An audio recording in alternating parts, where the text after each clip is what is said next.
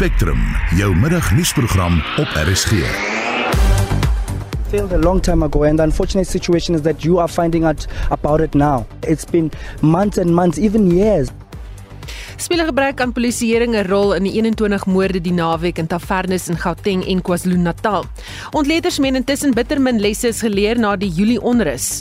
Daaruit kan mens die afleiding maak dat die intelligensiegemeenskap nog nie naaste by 'n posisie is om hierdie tipe van inligting te ondersoek en te bevestig. En Eskom hoop om fase 6 beerdkrag die week af te weer. Goeiemiddag, ek is Susan Paxton, jy luister na Spectrum.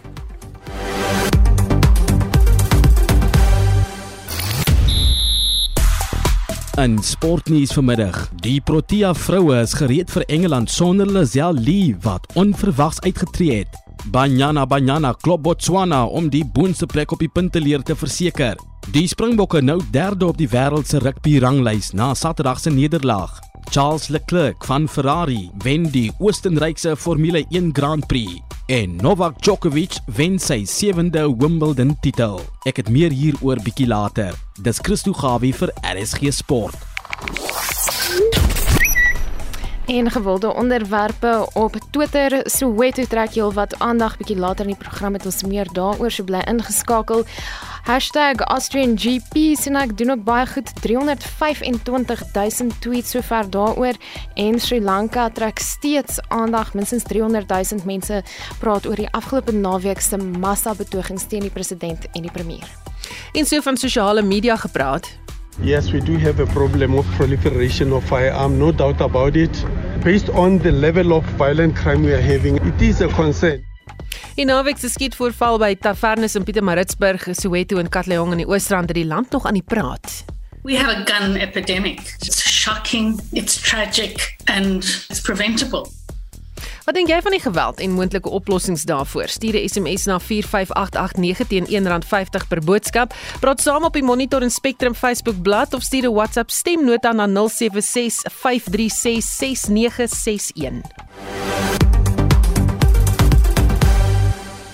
Dis nou 7 minute na 12 jy luister na Spectrum en Eskom se bestuurshoof Andrei de Ruyter sê die kragvoorsiener hoop om teen 5uur vanmiddag sowat 3400 megawatt tot die kragnetwerk by te voeg. Dit kan beteken dat beurtkrag fase 6 die week afgeweer word. Hy waarsku egter dat die situasie steeds op 'n mespunt staan. That is subject to considerable risk given the nature of the ongoing unlawful industrial action that we are currently experiencing. Therefore, we are communicating proactively with the South African public. This being winter, the load forecast for this evening is quite high. It's 31,990 megawatts of demand. We have capacity available at this stage forecast of 27,124 megawatts. Despite daarvan dat Eskom 'n interdik gekry het teen die stakings, is dit steeds 'n groot uitdaging. Our peaking plant is fine. At Arnott, we have no bargaining unit uh, employees available. We are running with our managerial staff. At Camden, similarly, our control rooms are manned by managerial staff. There has been a blocking of the access road to Camden by the dumping of coal onto the access road. At Duva, we have no controllers on site. And again, the plant's run by managerial staff. At Endrina, only 20% of workers are on shift. Again, managerial staff are running the plant. A vehicle has been torched. De Ruyter is veral bekommerd oor voorvalle van intimidasie. At uh, Letabo, four homes of plant operators have been attacked uh, with petrol bombs overnight, both yesterday and last night. And uh, this, of course, creates an atmosphere of fear At Matla, we have seen no physical disruptions, but there has been a large stay away due to intimidation. One of the contingency workers has had a farm set alight, so there's been quite a, a loss of animal feed for winter, and uh, there's a significant maintenance backlog uh, developing. Union leadership are disavowing the acts of violence, but of course they say that they have no control over actions of their members. And we would urge union leadership to be vocal in ensuring that essential services are not disrupted by unlawful strike action. En hoe langer die staking voortduur, hoe langer gaan die hersteltydperk wees. Maar wat doen die bestuur? I personally engaged with union leadership uh, yesterday. We have had a productive discussion. We are in the process of preparing for another meeting, which will take place later this morning. If we are able to resolve the matter, then of course it will be a question of a number of shifts until we have all of our people back on site and restoring the situation. I'm not at liberty to disclose the nature of the discussions, and I do not intend to enter into any negotiations through the media. Dit was Eskom se bestuurshoof, Andre de Ruyter. Marlene Forsie, SAK nuus. Die parlement se artikel 194 komitee wat die geskorste openbare beskermer Bosisiwe Mqobani se geskiktheid vir haar amp sal bepaal, begin vandag met sy verrigtinge. Die uitvoerende sekretaris van die Raad vir die Bevordering van die Suid-Afrikaanse Grondwet, Losse Naidu, het aan Marlene Forsie verduidelik hoe die volgende 4 weke daarna gaan uitsien. There will be opening statements by the evidence leaders that Parliament has appointed to run the inquiry that has been conducted by this ad hoc committee. So they will make some opening remarks today. I think Advocate Nkobani's legal representative will also make some opening remarks just to set the scene and the context for the inquiry. Die eerste getuienis is Hassan Ibrahim, die voormalige bestuurshoof van die konstitusionele vergadering. Sy getuienis gaan handel oor hoekom hulle in die vroeë 90's besluit het om die kantoor van die openbare beskermer te stig. Then there'll be a series of witnesses that are called initially to substantiate the charges that have been laid against Advocate Nkwabani by the Democratic Alliance. And then she, through her legal representatives, will have an opportunity to cross examine those witnesses and then ultimately to call witnesses of her own.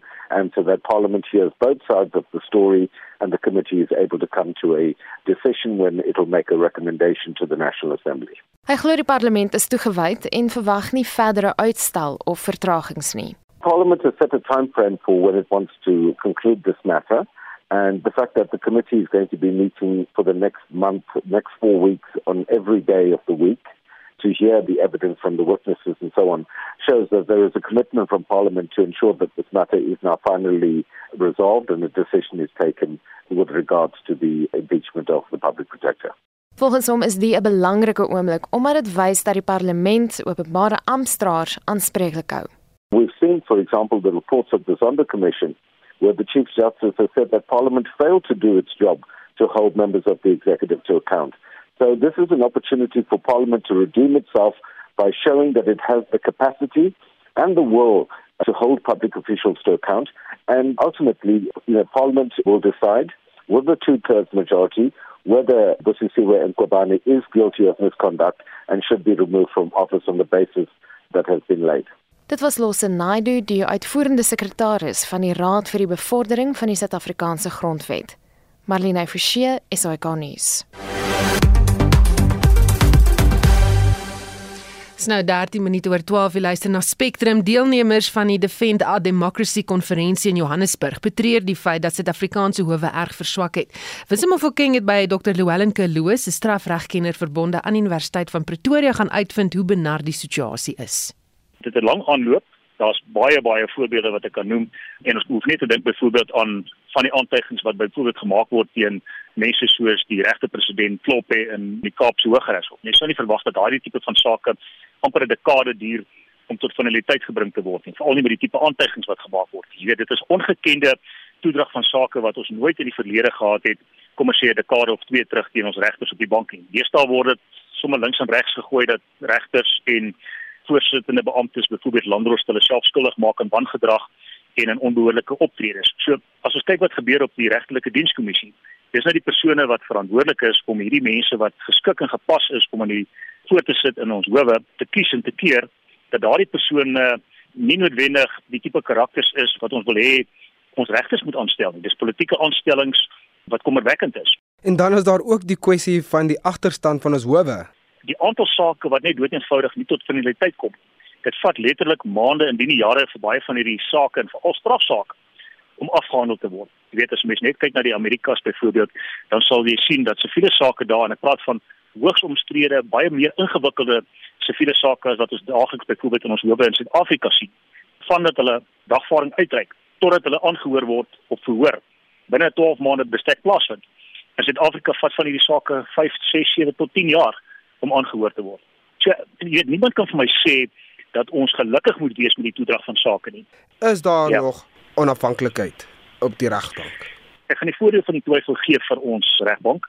Ek ervaar nie dat ons op 'n daaglikse basis 'n partydigheid kry van 'n voorsittende beampte om noodwendig geskoei op sy eie agtergrond en politieke oorwegings ten gunste of van een van die litigante partye altyd 'n uitspraak lewer nie. Ek moet vir jou bysê as mens net kyk na die hofsaake wat ons gehad het in ons hoogste howe, dan is dit so dat daar ongelukkig van tyd tot tyd lyk vir my tog aanduidings is dat van hierdie partye moontlik op grond van politieke oorwegings uitsprake lewer. Dit lyk nie of ons demokrasie op aanspreeklikheid gebou is nie. Is dit iets wat jy sien wat nou ook oorvloei na ander departemente toe ook? Ek meen dit is 'n gegewe. Dit is my duidelik dat daar geweldige probleme bestaan in ons staatsdepartemente veral uit die staatsskapingsverslag tot op hede het daar nog geen of indien wel enkele en ek wil dit amper op my vingerpunte tel letterlik suksesvolle vervolgings voortgespruit uit daardie aanbevelings is die kolisous werk dis die vraag wat ons moet vra. Want om daardie persone tot verantwoording te roep gaan natuurlik nog baie baie baie miljoene rande kos. Onthou daar is net 'n quasi-judisiële ondersoek wat plaasgevind het met ander woorde dit is net dood eenvoudig 'n kommissie wat gesit het wat verslag saamgestel het en wat aanbevelings moet maak En die vraag wat gevra moet word, hoeveel van hierdie persone gaan ons uiteindelik agter tralies sien op grond van dit wat ons nou gelees het in die sondeverslag? Ek kry die gevoel as ek my die geskiedenis kyk van Suid-Afrika se suksesvolle vervolging wat voortspruit na aanleiding van kommissies van ondersoek en die aanbevelings wat daaruit voortspruit, dat dit 'n baie baie patetiese rekord het van suksesvolle vervolgings in die verband. En dit was professor Llewellyn Kerloos wat met Winsome Mofokeng gepraat het. Ander hoofnuus van die dag, die minister van polisie Bekkie Cele het vanoggend die taverne in Orlando Soweto besoek waar 15 mense Sondag doodgeskiet en talle gewond is. Die organisasie Gun Free SA sê voorvalle soos die in Soweto waar 15 mense dood is, is voorkombaar deur beter wetgewing te implementeer. Die voormalige Wes-Kaapse speerhoof, Jeremy Veery, is tydens sy loopbaan gereeld met vuurwapengeweld in die Wes-Kaap gekonfronteer. Hy is deesdae strategiese raadgewer by Gun Free SA en ons praat nou met hom. Goeiemiddag Jeremy. Ah, goeiemiddag. Goeiemiddag en goeiemiddag aan die luisteraars. Het jy wat ervaring van vuurwapengeweld in townships en informele nedersettings? Hoe maklik is dit om vuurwapens te kry in die gemeenskappe? Dit is redelik maklik want ons sit met 'n te groot pool, 'n groot pool van van van vuurwapens in sirkulasie in ons gemeenskap. Weet sy of dit nou wetlik is in besit of of onwetlik in besit. En ek kan praat van van die getalle. So die beskikbaarheid of die pool vir misdadigers so groot dat uh dit is dit is regtig maklik bekom daar is. En as ons kyk na ons statistiek byvoorbeeld, net om 'n prentjie deel te skets. Ehm um, tydens die uh, Prinsloo soek toe ek daar doenig was, het ek uh, het ons 'n sekere sta statistiek gevra oor die besitspatrone binne hierdie land. So dit in Oktober 2014 was daar 4.4 miljoen geregistreerde vuurwapens. Waarvan 3 miljoen in geregistreer is aan omtrent 1.75 miljoen private individue. Hm. Nou dit is 'n baie baie groot hoeveel wat ons hier gaan praat. In daai tyd, in 2005 vir die jaar van 2015 was daar 202604 wapens as gesteel en verlore aangemeld. Nou hier is die ek praat nou nie van die Prinsloo vier wapens nie. Hierdie vier wapens wat ek van praat is was in orde wat wat waaraan hier gesteel was of verlore was, was nou nie besit van wettige vier wapen lisensie. Ja nee. So daar's 'n groot pool van vier wapens. Jy weet daar's waar onmisdadige uit kies en keer kan rondbeweeg om te kry in sekere middelklas gebiede waar mense kan bekostig. Ja. Ek wil dit bekostig om hier wapen lisensies. En in die jaar 2015 byvoorbeeld het ons het ons in die polisie was daar 3.2 miljoen nuwe aansoeke. Nou 55% van die aansoeke was vir selfverdediging. Nou as 'n mens kyk na daai aansoek, dit is mense wat kan bekostig in middelklas gebiede waar die misdaad in vergelyking na ons wat in die vlaktes lewe of in die werkersklas omstandighede grootliks gepla word deur die die die die die die vuurwapen verwante misdaad baie gering is in terme van hy misdaad. So ek dan begin 'n mens vra vra soos ons gevra het hierdie reg tot selfverdediging of eis vir selfverdediging of die die die, die aanwending van 'n vuurwapen vir wat bepaal dit objektief? Jy weet, watter kriteria objektief wat gebruik? En as jy mens kyk na die die die vier wapenwet soos dit nou gewysig moet word. So ek dink dit is 'n baie belangrike vraag om te vra dat daar sekere objektiewe kriteria daar gestel word behalwe die gevoel van 'n persoon in konstansie wat voel hy voel so en voel so so onveilig dat hy nou vyf vier wapens verleed net vir self verdediging terwyl hy net een kan dra. Hmm. So maar sê vir my as mites rondom hierdie goed wat ons met nuwe wetgewing uh, moet na kyk ons besits patrone en die logika daar agter van 'n selfverdedigingsoop is heel heel heel te bevraagteken. Hmm. Maar is dit die besit van vuurwapens wat die misdaad elemente dryf in die land? Ja. Goed. Doen fotos of dit nou wettig of onwettig is, maak nie eens mesadio of dit dit die politieke besit is wat verdwyn van ja. Is die groot pool van vuurwapens wat ons het, die oorbodige pool soms iets waar ons sit met lisensies vir 4, 5 pistole vir vir vir vir vir selfverdediging. Ons sit met 'n met 'n era van 'n vorige era waar jy vir baie snaakse redes 'n vuurwapen kon bekom wat niks te doen het met selfverdediging met die realiteit van selfverdediging. Ons praat nou van 'n meer burgerlike tipe van eie ja. eienskap persone wat daar is. Dit was so daar's net te veel van hierdie goed vir ongrondige redes, rede of redes wat nie goed genoeg gegrond is in objektiewe tipe van kriteria. Hmm. Wat is volgens julle dan die oplossing tot hierdie kwessie?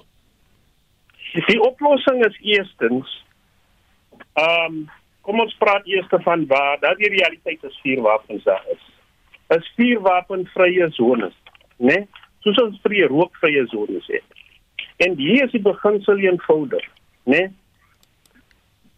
Die meerderheid van ons wat geaffekteer word deur die vuurwapengeweld besit nie een nie. Ons ons ons ons ons leef in die werkersklas areas en ek dink ons moet 'n groter stem hê oor eienaars eienaarskappatrone. En artikel 13 van die wet vir die wetgewing ons moet hê om te sê aangesien die verloor van hierdie verlies van hierdie goed grootendeels vir ons affekteer moet ons 'n groter rol speel in die besluitnemingsproses. So wat wat moet verwelkom nou word is met die nuwe wets die wysigings uh, konsultasie.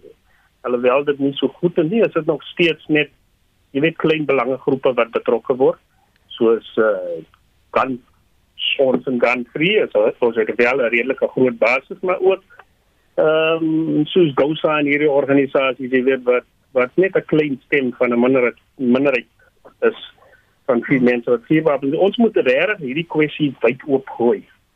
Nee, ons gaan moet vir die mense in Soweto op die Cape Flats gaan vra oor die tipe van ding. Ja. Of hulle dit prioriteit. So dis die een ding. Dan moet ons gaan kyk na hoeveel vier wapens jy vir selfverdediging kan kry. Behalwe dat daar objektiewe kriteria moet bepaal word.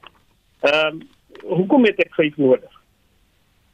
Hoekom het ek 'n 357 Magnum nodig?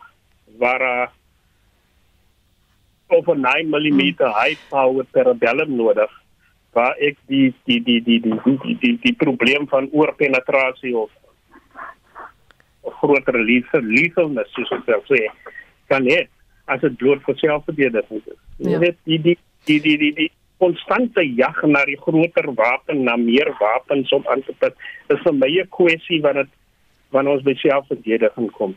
So die so dis dit moet 'n bietjie suiwer gereguleer word met die met die nuwe nuwe wetgewing. Ons sê. Baie dankie. Dit was Jeremy weer die voormalige Weskaapse speerhoof. Hy's nou 'n strategiese raadgewer by Gunfree SA. Die organisasie Safe Citizens het politici se stelling dat dit die groot getal onwettige vuurwapens is wat in omloop is wat tot die naweek se skietery in tavernes gelei het, veroordeel. Die sigter Jonathan Deal sê dit is 'n onverantwoordelike stelling wat gemaak is sonder om die feite van die saak behoorlik te ondersoek. Die eintlike probleem is die manier waarop die polisie uh, misdaad probeer beheer. Daar is glad nie 'n beheer oor misdaad vir etlike jare al. Is glad niks te doen met vuurwapens is nie die probleem nie. En eintlik South African Medical Research Council bewys dat uh, skerppunt voorwerpe soos messe is eintlik die gesoekte object in Suid-Afrika vir moorde. So eintlik is daar meer moorde met wat ek wil sê is daar meer moorde met 'n mes gepleeg as wat daar is met 'n vuurwapen gepleeg. Maar om terug te kom na hierdie storie met die taverne, dit kan miskien vir die polisie uh, reg wees om te sê dat dit die probleem is vuurwapens, eintlik die probleem is hulle se probleem. Ek was gisterand op Newsroom Africa vir 'n uur oor die storie met alkohol en dwelms en die gemeenskappe. Daar is glad geen leierskap in hierdie land vir jong mense om te volg. Daar is geen geleenthede vir hulle om geld te maak en 'n inkomste te kry en vir ordentlike skoolloopbaan te volg. En hierdie probleme is baie baie groter in hierdie land as vuurwapens soos wat die polisie wil aandui. Dink jy dat hierdie nou weer 'n veldtog gaan aanvuur vir mense wat uh teen die besit is van vuurwapens en of miskien die polisie om uh gelisensieerde vuurwapens uh, dit moeilik te maak vir mense om dit te kry? Hulle kan dit miskien uh, moeilik begin maak as hulle wil. Ek het gesien oor die laaste 2 of 3 maande het die lisensies nou vinnig begin deurkom vir mense wat aansoek gedoen het. Daar is geen manier in hierdie land dat die regering onder hierdie omstandighede dit sal regkry om privaat burgers te ontwapen nie. Veral as u dink terug na die middel van laas jaar Julie in 2021 uh, dat dit was burgerlike mense met gelisensieerde wapens wat hierdie land gered het teen 'n baie breë insurreksie soos wat die, die regering dit wil noem. So as dit nie vir privaat mense met gelisensieerde wapens in KwaZulu-Natal was, het hierdie ding baie verder gesprei en ons mense het tot vir die polisie ammunisie gegee en die polisie gehelp om hulle eie polisiestasies te bewaak teen die optogte. So as 'n mens kyk na die misdaadsyfers en wat gebeur in misdaad in Suid-Afrika vandag, is daar geen manier wat mense hulle wapens sal ingee nie. Ek ken al die mense wat ek ken wie wapens besit, besit hulle met lisensies en almal van hulle oumas het gesê die regering kan maak wat hulle wil, hulle sal hulle wapens nie ingee. So die regering sal lank en hard dink voordat hulle um, wettige vuurwapen eienaars wil aantas. Hulle moet eers kyk na die polisie en hulle moet iemand in die polisie aanstel wie die job kan doen. Want hierdie stadium as ons in die koerante en die media berigte kyk, is dit duidelik vir almal dat die polisie is in 'n totale gemors. Ek het 'n berig gistermiddag uitgesit waar ek aan die nasionale kommissaris aansoek gedoen het of gesê dat hy moet 'n taakspan aanstel om uh, spesifiek hierdie twee taverne aanvalle te ondersoek en daai mense toe te sluit. Maar ons is ons is I'm actually not concerned that they're going to come out with a law like that want as hulle net so bietjie gaan sit en daaroor dink, sal hulle verstaan dat hulle 'n groot 'n groter probleem sal veroorsaak met wetgewende burgers. En dit was Jonathan Deel stigter en koördineerder van die organisasie Safe Citizens. Ons praat nou ook verder uh, oor die kwessie met 'n onafhanklike misdaadontleder en 'n voormalige hoof van die polisie se sentrum vir ontleding van misdaadinligting Dr. Chris de Kok. Goeiemôre Chris. Goeiemôre. Drie skiet Goeiemôre aan die luisteraars. Nou sê drie skietvoorvalle in een naweek in Tavernes. En as jy na die drie voorvalle kyk, wat sien jy? Iets wat uh, georkestreerd was, 'n rooftog? Wel, daar's uh, nou op die eerste inligting wat uh, tot die beskikking is. Lyk dit of daar verskille tussen die drie is, dat die drie nie uh hoe sal ek sê verband hou met mekaar nie. Dit sal my verbaas as dit uiteindelik die bevinding gaan wees. Uh daar's die een in in in in uh Pietermaritzburg en 'n plek met die naam van Sweetwaters. Nou daar met almal wat hulle daar gepraat het, sê daar is al 'n geruime tyd 'n probleem met bendes daar in die omgewing uh wat mense intimideer en mense skiet en so voort. Dan is die ene in Katlehong uh daar lyk dit of roof of daar tog uh 'n roof van seek van selfone en vuurwapens was gedurende die aanval. Hulle het ook die mense op die grond laat lê en en blykbaar hulle gevra vir vuurwapens. So hulle moes inligting hê dat iemand daar vuurwapens en dan is daar natuurlik die grootste een, die een in Soweto.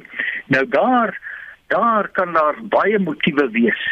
Ek meen die feit dat die mense het nie daar gedrink en en dronk geraak saam met die ander mense en toe kwaad geraak vir iemand en toe begin skiet nie. Hierdie mense het doelbewus ingehardloop, aangeval.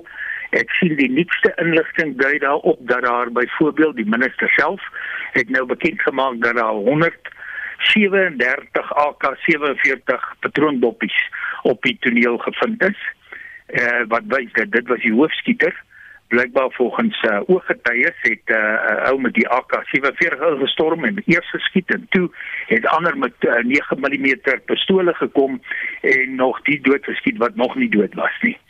So so ek dink daar is die hoogste waarskynlikheid dat ons hier te doen het met um, met uh, die tipe van protection records soos hulle in Engels sou sê waar jy gaan en dan uh vir sulke plekke sê wel gee vir ons 'n deel van julle wins.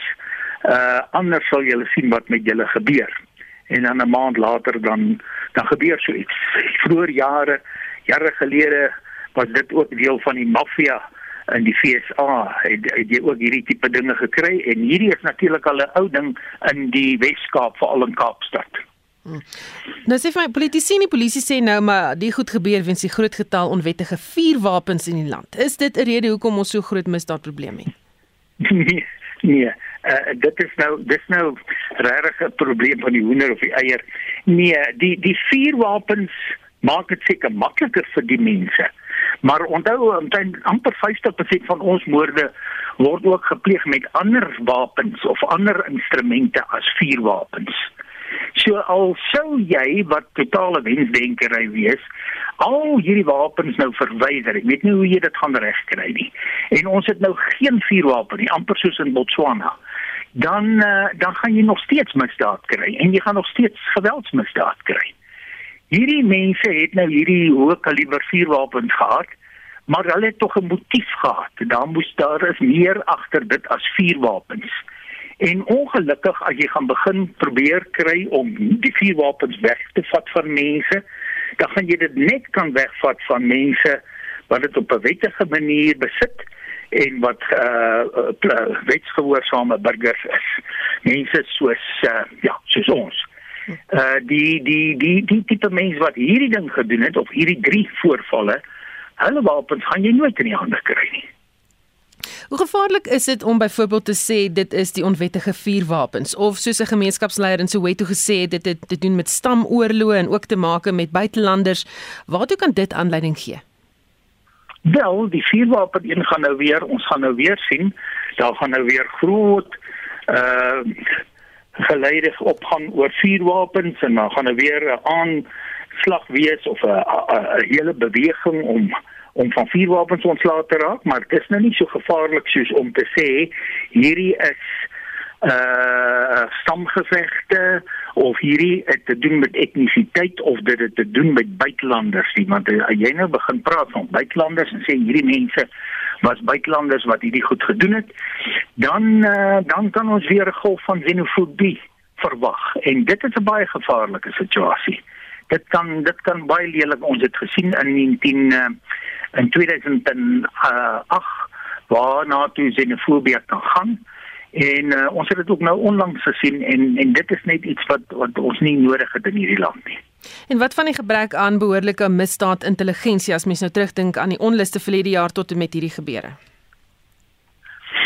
Wel, ehm um, as dit hierdie as uh, ons sal nou later sien wat wat die motief agter hierdie spesifieke uh insident En uh, en dan natuurlik as dit nou byvoorbeeld uh as dit dan nou hierdie protection records is, dan natuurlik is dit iets wat uh, misdaad intelligensie moet uh in aan die vergrootglas en hulle versier hê.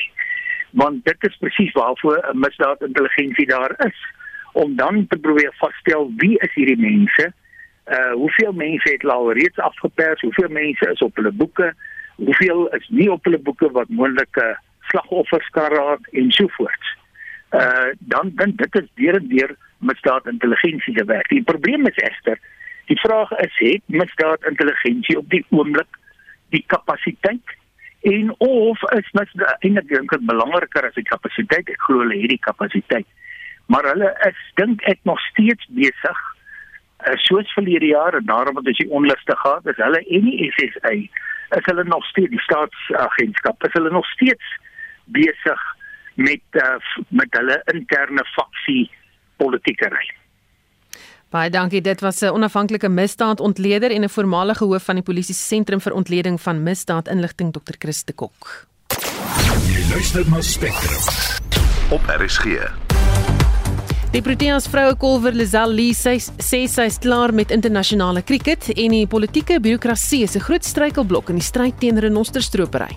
As ons net toe dit besef het en nie 'n klein gieter gebruik het nie, maar 'n brandkraan oopgemaak het op hierdie ding, baie anders verloop. Maar toe word dit 'n weghardloop trein. Bly ingeskakel.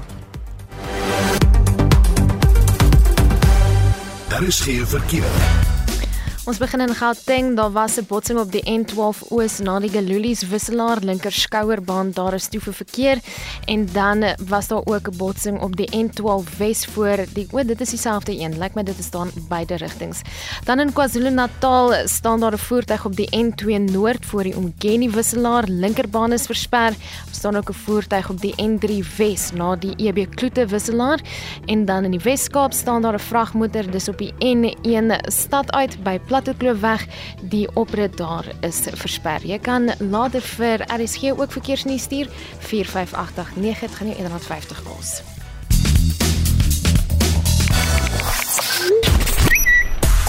En dit gons behoorlik op Twitter oor die afgelope naweek se skietvoorvalle by tavernes waar daar onderskeidelik 15 en 4 mense dood is. Nou 'n gewilde hitsmerk op die oomblik in die verband is in Slantla Lux. Hy is die leier van operasie Dudula en uh, dit volg op 'n onderhoud met Morning Live vanoggend waar hy oor skietvoorvalle by tavernes gepraat het en dit was op Morning Live. Ehm um, saam met hom was 'n polisieman hier is waaroor die tweets gaan. Let's look at this uniform for example. Who respects this uniform in South Africa?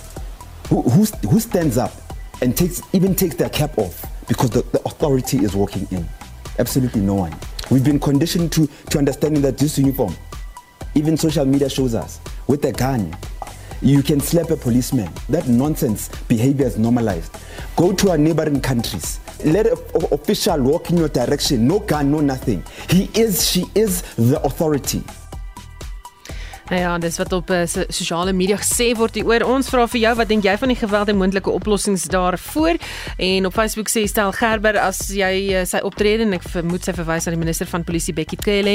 Nou as jy nou sy optrede met Cameron gesien het, uh, is daar geen hoop vir die aanval nie. Dit gaan al hoe meer gebeur tot daar 'n minister aangestel word wat deur al die range gegaan het en 'n skoon geskiedenis en daadwerklik iets kan doen en nie die televisiekamera soek nie, maar sy medemens help en kleerloos help. En daar's van hulle onder elke ras stel hulle aan en die gogga se dae gaan getel wees.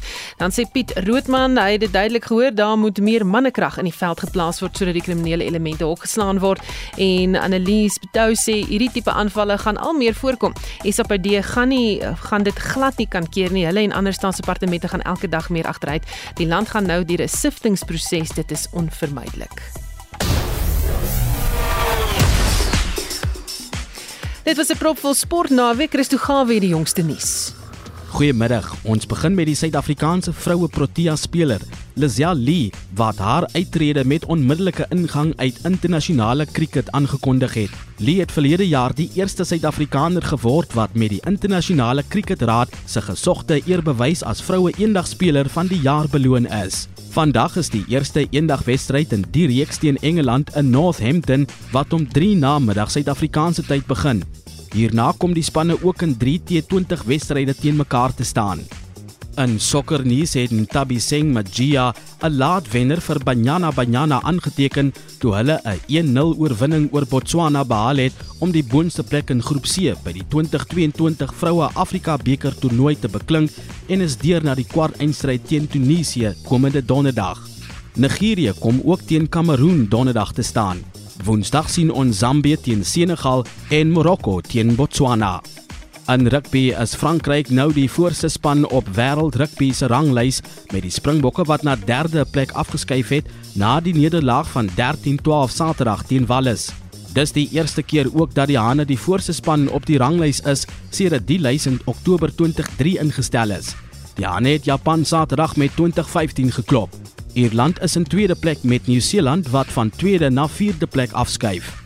Die Ire die All Blacks Saterdag met 23-12 in Dunedin geklop. Die Springbokke het die grootste gedeelte van die wedstryd teen Wallis die hef in die hand gehad, maar het die wedstryd in die laaste paar minute deur hulle vingers laat glip toe Josh Adams kort voor die einde van die kragmeting vir die Rooi Drake gaan druk het met Gareth en Scomby wat 2 punte met 'n doelskop bygevoeg het. In Kruiwenweek rugby het die streeptrye hulle oorheersing van die afgelope dekade op die jeugweek Saterdag voortgesit toe hulle die Blou Bulle in die hoofwedstryd met 29-21 geklop het. Die streeptrye het op die eerste dag met Grens 34-18 en daarna met die Haie 29-24 klaar gespeel. Charles Leclerc van Ferrari het die wenstreep eerste oorgesteek tydens die Oostenrykse Formule 1 Grand Prix in Spielberg. Max Verstappen van Red Bull was tweede en Lewis Hamilton van Mercedes het die derde podiumplek ingeneem.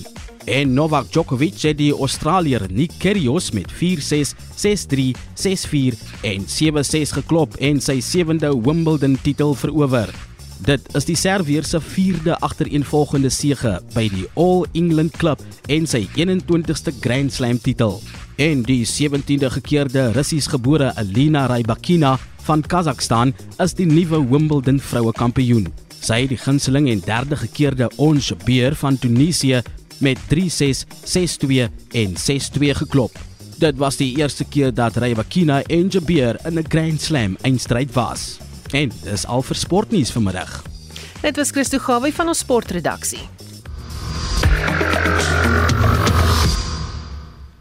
1242 jy luister na Spectrum. 'n Man verskyn vandag in die Ritawi Landroshof in Sanien op aanklagte van die onwettige besit van renosterhoring. 'n Jaggeweer, twee horings en ammunisie is in die verdagte se motor gevind. Die polisie sê die arrestasie het plaasgevind kort nadat twee renosters wat gestroop is op 'n wildsplaas in Gravelot gevind is. Nog 'n verdagte is soek.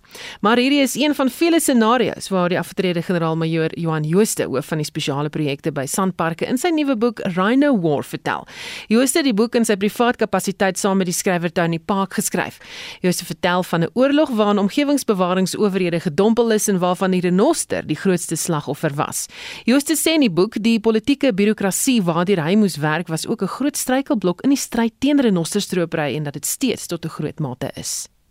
Minder renosters is in 2015 vir al horings doodgemaak as die vorige jaar, maar die oorlog teen stropery is Die Grondwethof het in 'n onlangse uitspraak die handel in renosterhoring in Suid-Afrika gewettig.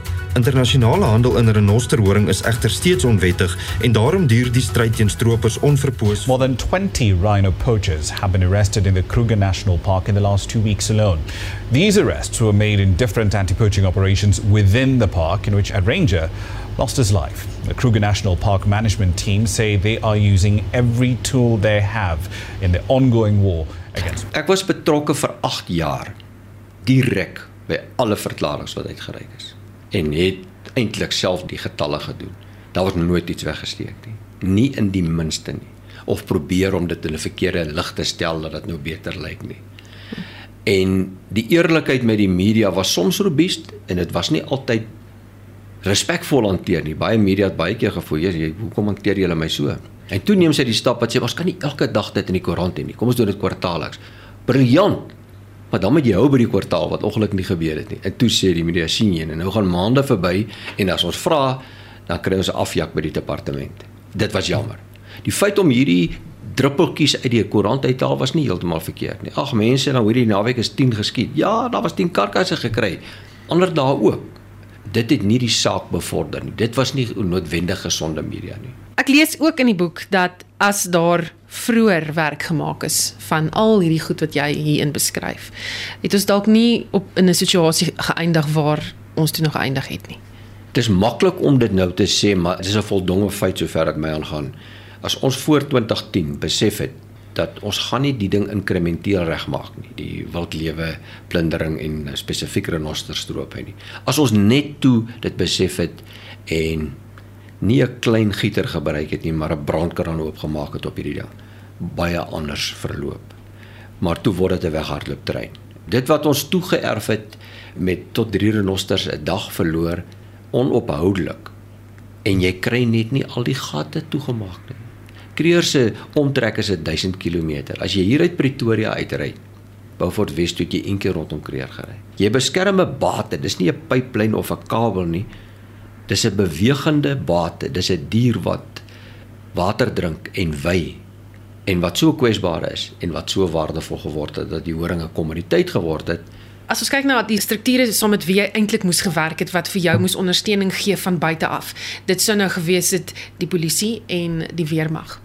En dat daai strukture nie gewerk het nie want ek lees ook in die boek en ek sien jy vertel van jy weet hoe hulle in die, in Skukuza aan die hof is en al die mense wat gevang word en hoe dinge net nêrens heen gegaan het nie en al hierdie groot kingpins waarvan almal praat. Jy weet julle dat julle inligting op bestaan want jy het 'n inligtingsnetwerk ook gebou. Al hierdie inligting het maar niks gebeur nie. En ek het nou nog daai vraag dat dit voel vir my dit nou eers daai momente begin kry dat ons buite die park werk en nie met gewere langs die draad staan en wag dat jy inkom nie. Jy kan nie wag tot die dief in die huis is en dan die dief vang nie. En dis ongelukkig waar ons onsself bevind het. Ek sê in die laaste hoofstuk ek vel nie 'n oordeel nie. Dit sal onvanpas wees vir 'n aftrede generaal om dit te doen. As ek die polisie hoof was, met al ons misdaad, waar pas ek hierheen in? As ek die hoof van die leer is met 'n paar duisend troepe en vredesteenoperasies, ek verstaan dit. Ek verstaan ook dat die weermag is anders opgelei. Hoekom ek dit noem in die boek?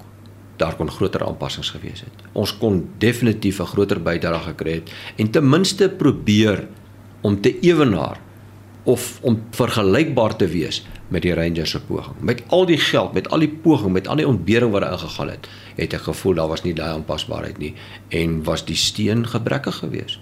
En as ons wil vorentoe gaan en dit sê ek in die laaste hoofstuk, sonder om weer slim of intelligent te wees, moet saam met die private sektor werk en ons sal die park van buite moet skoonmaak met die hulp van al die inligtings en veiligheidsagentskappe. Mm. Ingeslote privaat. Ons sê baie dae as jy jou oë te lank knip dan gaan jy 'n karkas hê.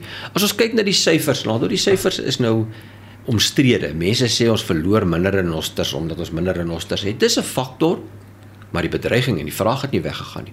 Die feit dat ons daardie getalle van oor 1000 tot uh, onder 400 kon kry, ons moet dit nie wegneem van onsself, van almal wat betrokke is, al die veiligheidsagentskappe nie. Die mense maar soos dit gaan geneig om negatief te wees want so baie dinge in ons land is miskien nie reg nie. In die ander 6 nasionale renosterparke wat ek in 2013 gaan oplei het, het ons die afgelope 5 jaar tussen die 6 van hulle nooit meer as 5 renosters verloor. En nou sê hulle die staat kan nie. Dit kan, dit kan gedoen word. Die Oos-Kaap is 'n goeie voorbeeld. Addo. Groot visrivier waar ons nou vir die 5de jaar renosters hervestig so goed teel hulle. Dis al 'n staat en die hele Oos-Kaap, die provinsie, 5 jaar nou met 0 verliese daar gebeur so baie goeie goed en ek dink net nie ons erken ook altyd die private sektor se rol nie. Meer as die helfte van renosters in die land is in privaat besit. Word deur private sekuriteit beskerm en dit plaas die onus op ons dan as die departement wat moet lei om te sorg dat ons dit baie sinvol saamsmelt en baie seker maak dat ons kry die beste voordeel van alle bydraes. Hmm. Wat is ons grootste probleme nou nog? Tot dusver die jaar KwaZulu-Natal. Hoekom? Die poachers verplaas hulle poging. Die taktik is bloot om hulle plek toe gaan hulle oorweldig. Daar's 'n korrelasie vir altussen wat in Kreer gebeur en in KwaZulu-Natal gebeur. Dit is 'n maklike korrelasie. Jy het nie 'n wiskundige model nodig. En hierdie jaar toe besluit hulle skuif so intoe en mense is so krities oor gesloopie en verloos. Dis 'n kleinerige park met baie renosters. Die digtheid soos nêrens anders in die wêreld nie hoe maak jy daai grens toe as hulle daarmee begin en hoe kry jy onder beheer en ek het alle geloof hulle het om onder beheer gekry. Maar nou weer eens die eerste reaksie is almal is sleg. Niemand doen hulle werk nie. 'n Mens moet pas op daarvoor. Mense vra my baie keer wat kan ons doen? En ek sê een ding wat jy kan doen, probeer ingelig wees. En dit was afgetrede generaal-majoor Johan Jooste wat praat oor sy nuwe boek getiteld Rhino War en hy het ook gepraat oor die renosterstroopry wat tans in die gang is. Ons sit aan by Netjie van der Merwe, portefeuljebestuurder by Netbank Korporatiewe Beleggings vir vandag se sake nuus. Goeiemiddag Netjie. Goeiemiddag Susan en luisteraars. Wêreldmarkte begin hierdie week op die agtervoet met hernieude vrese van grendelmaatreëls in China. As ons kyk na Asië, sien ons die Hong Kong Hang Seng verswak 2,8%, die Japaneese Nikkei het op met 1,1% en die Australiese ASX 200 het af met 1,1%. In Europa verhandel die Britse FTSE 100 swakker met 0,6%, die Franse CAC 40 is laer met 0,7% en die Duitse DAX is af 0,8%. Plaaslik verhandel ons algehele indeks laer met 1,3% teen 67451 punte. Die finansiële indeks is laer met 0,7%, die nywerheidsindeks is verswak 0,5% en die hulpbronne indeks is af met 3,2%. As ons kyk na kommoditeitspryse, goud verswak 0,4% en verhandel teen 1736 dollar per fyn ons. Platinum verswak 1,7% en verhandel teen 880 dollar per fyn ons en Brent olie verswak 1,8% en verhandel teen 105 dollar en 7 sent per vat. Dan wisselkoerse, 'n dollar verhandel teen R17, 'n pond verhandel teen R20.32 en 'n euro verhandel teen R17.19. Dan rentekoerse, die R2030 staatsiefek verswak 5,3 basispunte en verhandel teen 'n opbrengs van 10,7% vir die week wat voorlê, kan luisteraars op die uitkyk wees vir die volgende ekonomiese datapunte. Môre kyk ons uit vir die Suid-Afrikaanse vervaardigingsproduksie wat al verwagting 'n afname sal toon. 'n Stygings in kleinhandelverkope van slegs 1,3% jaar op jaar word verwag en dan laastens 'n afname in mynbouproduksie wat donderdag bekend gemaak word. Baie dankie. Dit is die einde van die sake nuus. Dit was Nikki van der Merwe, portefeuljebestuurder by Netbank Korporatiewe Beleggings met die sake nuus. Die minister van Polisie, Bekkie Cele, het vanoggend die taverne in Orlando, Soweto besoek waar 15 mense Sondag doodgeskiet en talle gewond is. Ons verslaggewer, Orisani Sitoli, is daar en ons praat nou met hom. Good afternoon, Orisani. Hi, Susan. Hoe gaan dit? Met my gaan dit baie goed, baie dankie. But tell me, are the police any closer to arresting the perpetrators?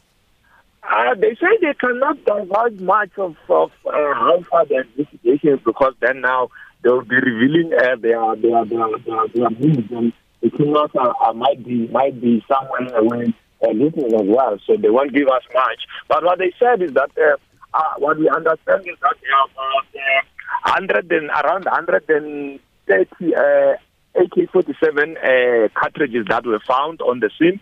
And uh, I mean, those are only for the AK-47s. There are also uh, other rounds uh, from other small guns. So remember that uh, we understand that uh, there were those who were holding uh, high caliber weapons and also a 9 millimeter pistol. So one thing he says is that, and one thing, another thing they've learned is that there were five. So the perpetrators uh, were five. So those are some of the things that they said. Uh, but they're saying uh, they are moving and they are uh, responding and getting uh, uh, intelli- making intelligence and uh, on the issues. Hmm. Now, community members are outraged by what they say is a lack of police discipline and willingness to help. Let's quickly hear what they had to say. Clearly, our police, they're not assisting us. If I can't speak their own language, I won't be assisted. I have to come to the police station when I know how to speak Shangani and Venda. Yonki Orlando police station, bring you people. We are tired of Orlando police station. People die every day. There is no accountability. Because if the police fail, we also fail. Horisani, did the minister react to this? Yes, he did. Uh, so it's, it's, there are issues here. Number one, they say the police officers uh, hate coming to the area at night because they say it's unsafe. But they, he, has, he has pledged to them that uh, this time around the officers will go, will go into the areas anytime when they are needed. Uh, another thing, he has added uh, five police vans and they were here on display uh, to help the Orlando police station with the responses. And he's saying it's going to add more officers. As of to- today, they're going to deploy TRT and then uh, they're going to deploy. I mean, there's a there's a team of investigators that's also already uh, working on the thing. So uh, the, the response has been there. And Horisani, what is the solution to the rampant crime problem, not just in Soweto, but even in the rest of the country? Uh, he says uh, he's working tirelessly and he has also urged uh, members of the community to help them. I mean, with information where they can, uh, to try to help them uh, resolve the matter. Because he agrees, and he did say that uh, South Africa does have a gun problem, uh, which of uh, they are working to try to address. And he has also called on members of the uh, community to to can come. Those who know they can bring the information forward and also contact the police whenever a, they feel like they, they need to give the information. Baie dankie. Dit was ons verslaggewer in Soweto, Risani Sitole en ek sien daar's nog terugvoer van uh, die luisteraars af, jy wat saamgesels.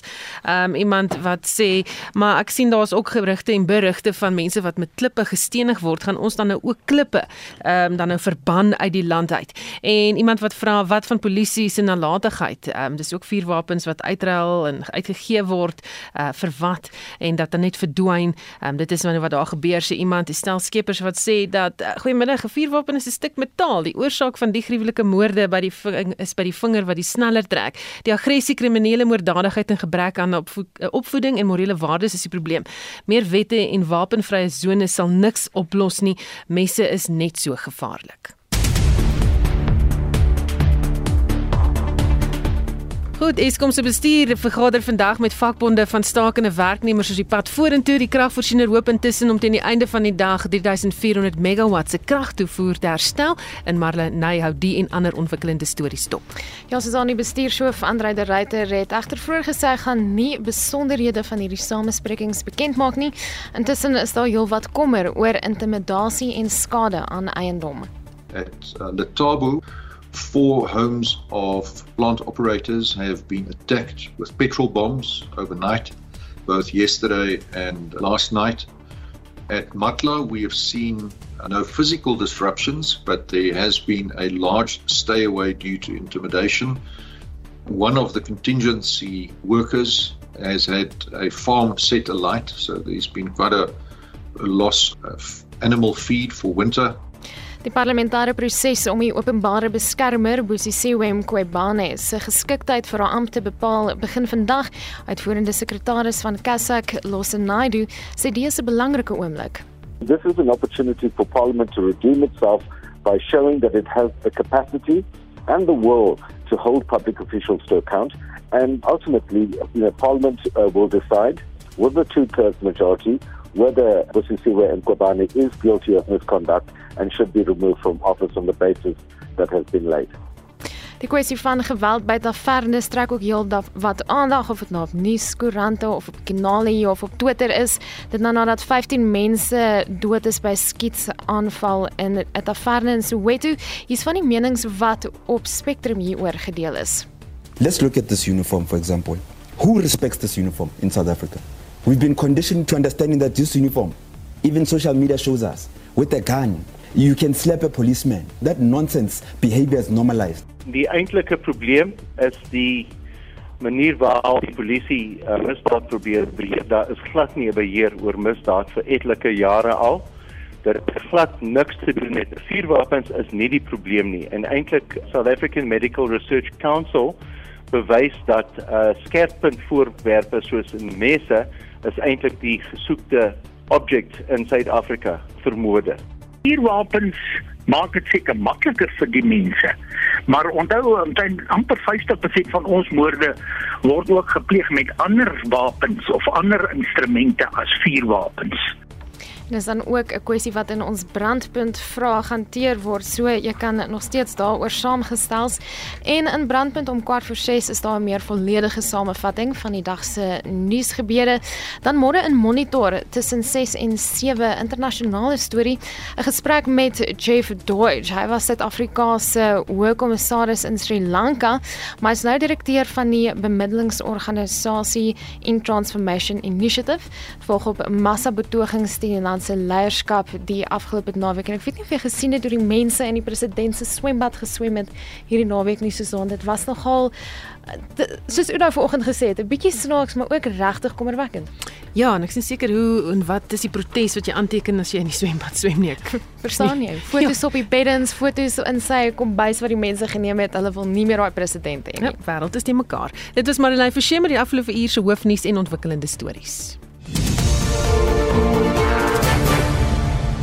Ons groet namens soos uitvoerende regisseur Nicoline de Wet, die redakteur Justin Kennerly en produksieregisseur Johan Pieterse. Ek is Susan Paxton. Geniet jou middag.